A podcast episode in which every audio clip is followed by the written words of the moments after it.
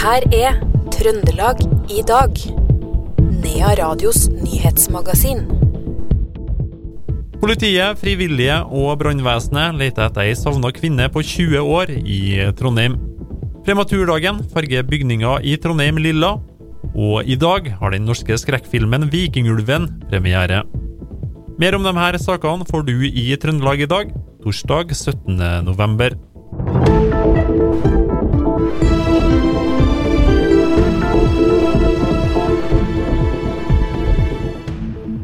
Først skal vi til grunnrenteskatten.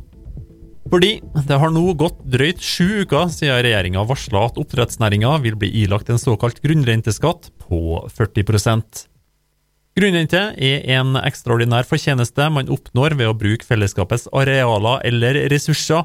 Nå mener regjeringa at oppdrettsnæringa har en svært høy profitt takket være bruk av felles naturgitte hav og fjorder til oppdrett. I dag hadde bransjen et møte med finansminister Trygve Slagsvold Vedum og fiskeri- og havminister Bjørnar Skjæran. Robert Eriksson, administrerende direktør i Sjømatbedriftene, som var med på dette møtet, sier at det var grunnrenteskatten, sjølsagt, som ble diskutert.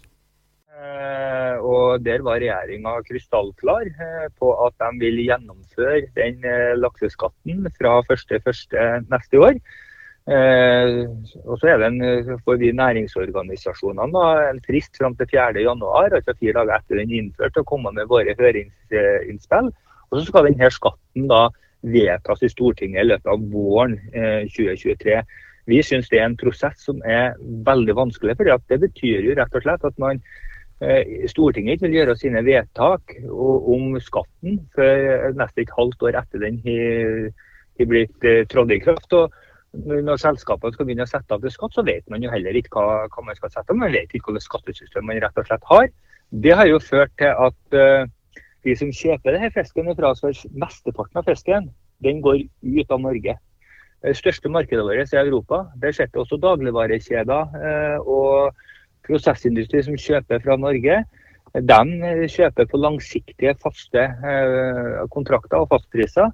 Nå vet man ikke hva er prisene på det, og det gjør at dette stopper opp. Og vi ser alle de permitteringene som, vi ser, som er varsla den senere tida.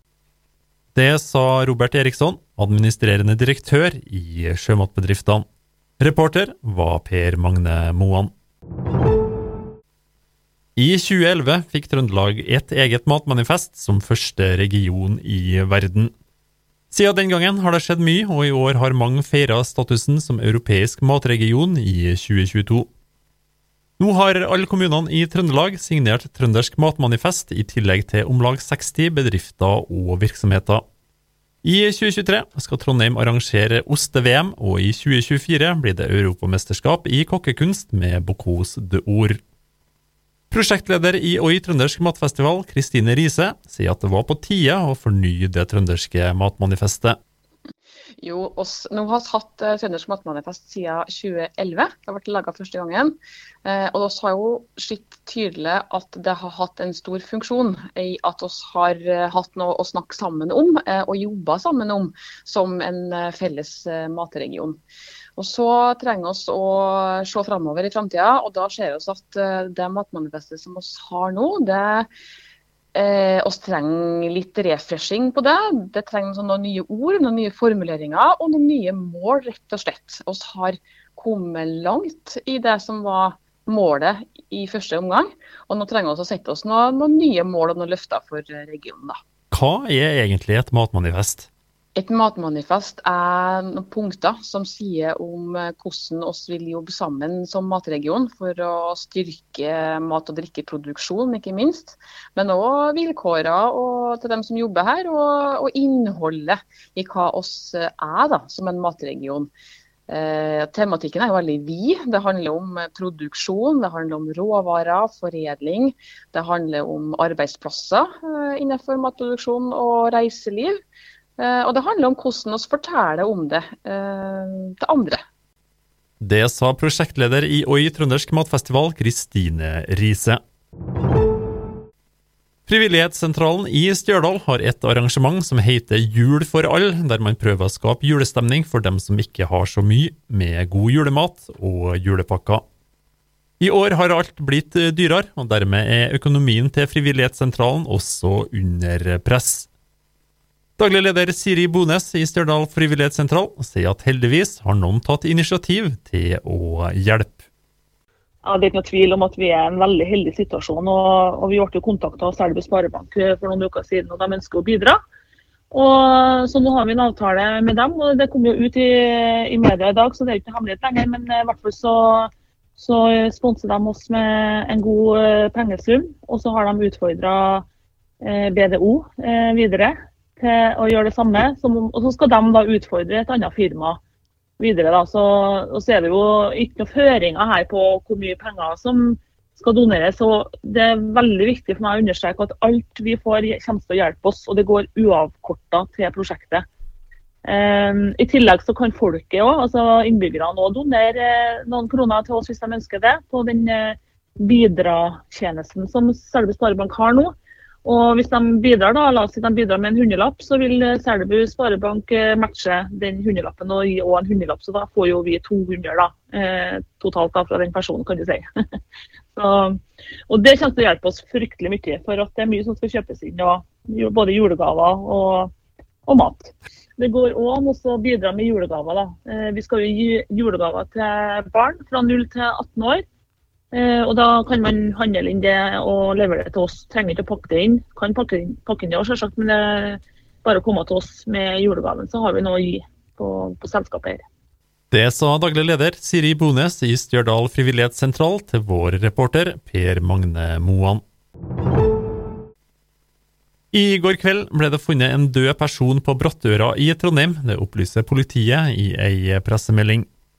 De tror det er den savnede 20 år gamle kvinna som onsdag kveld ble meldt savna av familien, som nå er funnet. Etterforskningsleder Knut Grasvik sier til Adressa at politiet vil fortsette sine undersøkelser for å kartlegge hva som har skjedd. Det vil også bli foretatt obduksjon. Grasvik sier at det ikke er noen indikasjon på at det har skjedd noe straffbart. Kvinnas pårørende er varsla om funnet. To menn ble i dag varetektsfengsla i fire uker.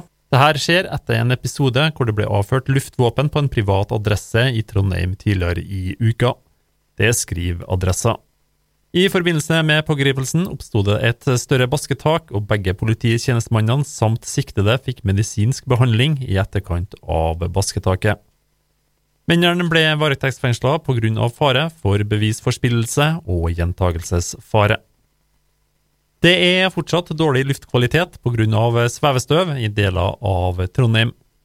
Derfor driver Statens vegvesen og Trøndelag fylkeskommune fortsatt med intensivt renhold og støvdemping av hovedveinettet, melder kommunen i ei pressemelding.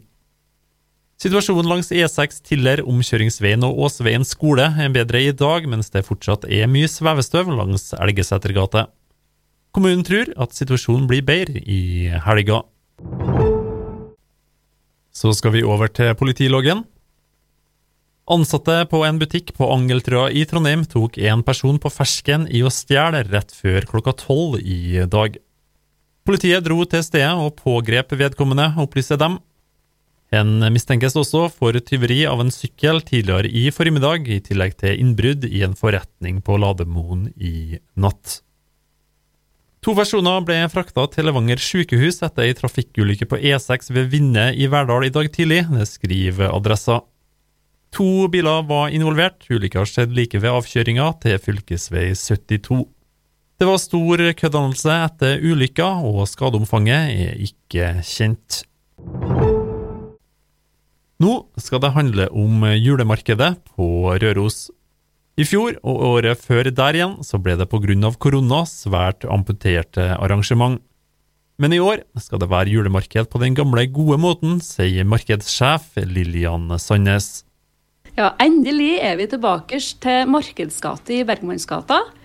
Og firedagers fra 1. til 4. desember, der vi fyller paradegata vår, som er Bergmannsgata, med eh, utstillere gode kvalitetsutstillere, både lokalt og fra hele landet og noen fra Sverige. Eh, fra nederst til øverst. Så her blir det godt gammeldags eh, julemarked som vi kjenner fra opprinnelig. Men så nå er vi kjølig glad for at vi er tilbake. Med utstillere, med program, syngende nisser, reinsdyr, konserter. Ja, stemning rundt bålpanna. Lukt og smak og alt som hører jula til. Så den som er på jakt etter julestemninga, må se sin tur til Røros. Det sa julemarkedssjef Lillian Sandnes til vår reporter Per Magne Moan. Per Erik Gali trekker seg som ordførerkandidat til kommunevalget i Verdal neste år, og Trine Reitan er dermed innstilt som ordførerkandidat av nominasjonskomiteen for Verdal Arbeiderparti. Komiteen skriver i ei pressemelding at Per Erik har tatt noen ekstra runder sammen med arbeidsgiver, og landa på at det ikke lar seg gjøre å forene det å være folkevalgt med sin sivile jobb i Verdal kommune. Så skal vi over til sport. Johannes Høsflot Klæbo har slitt med en skade, men melder seg nå klar til lørdagens 10 km på Beitostølen. Det opplyste Skiforbundet i ei pressemelding. Klæbo sier at han kjente skaden i går i forbindelse med trening, men at det i dag gikk bedre. Så derfor velger han å starte 10 km. Etter lørdagens renn vil han også vurdere om han kan gå på søndag. Trøndelag i dag, fredag 18. november, fikk du fra Iver Valldal Lillegjerdet.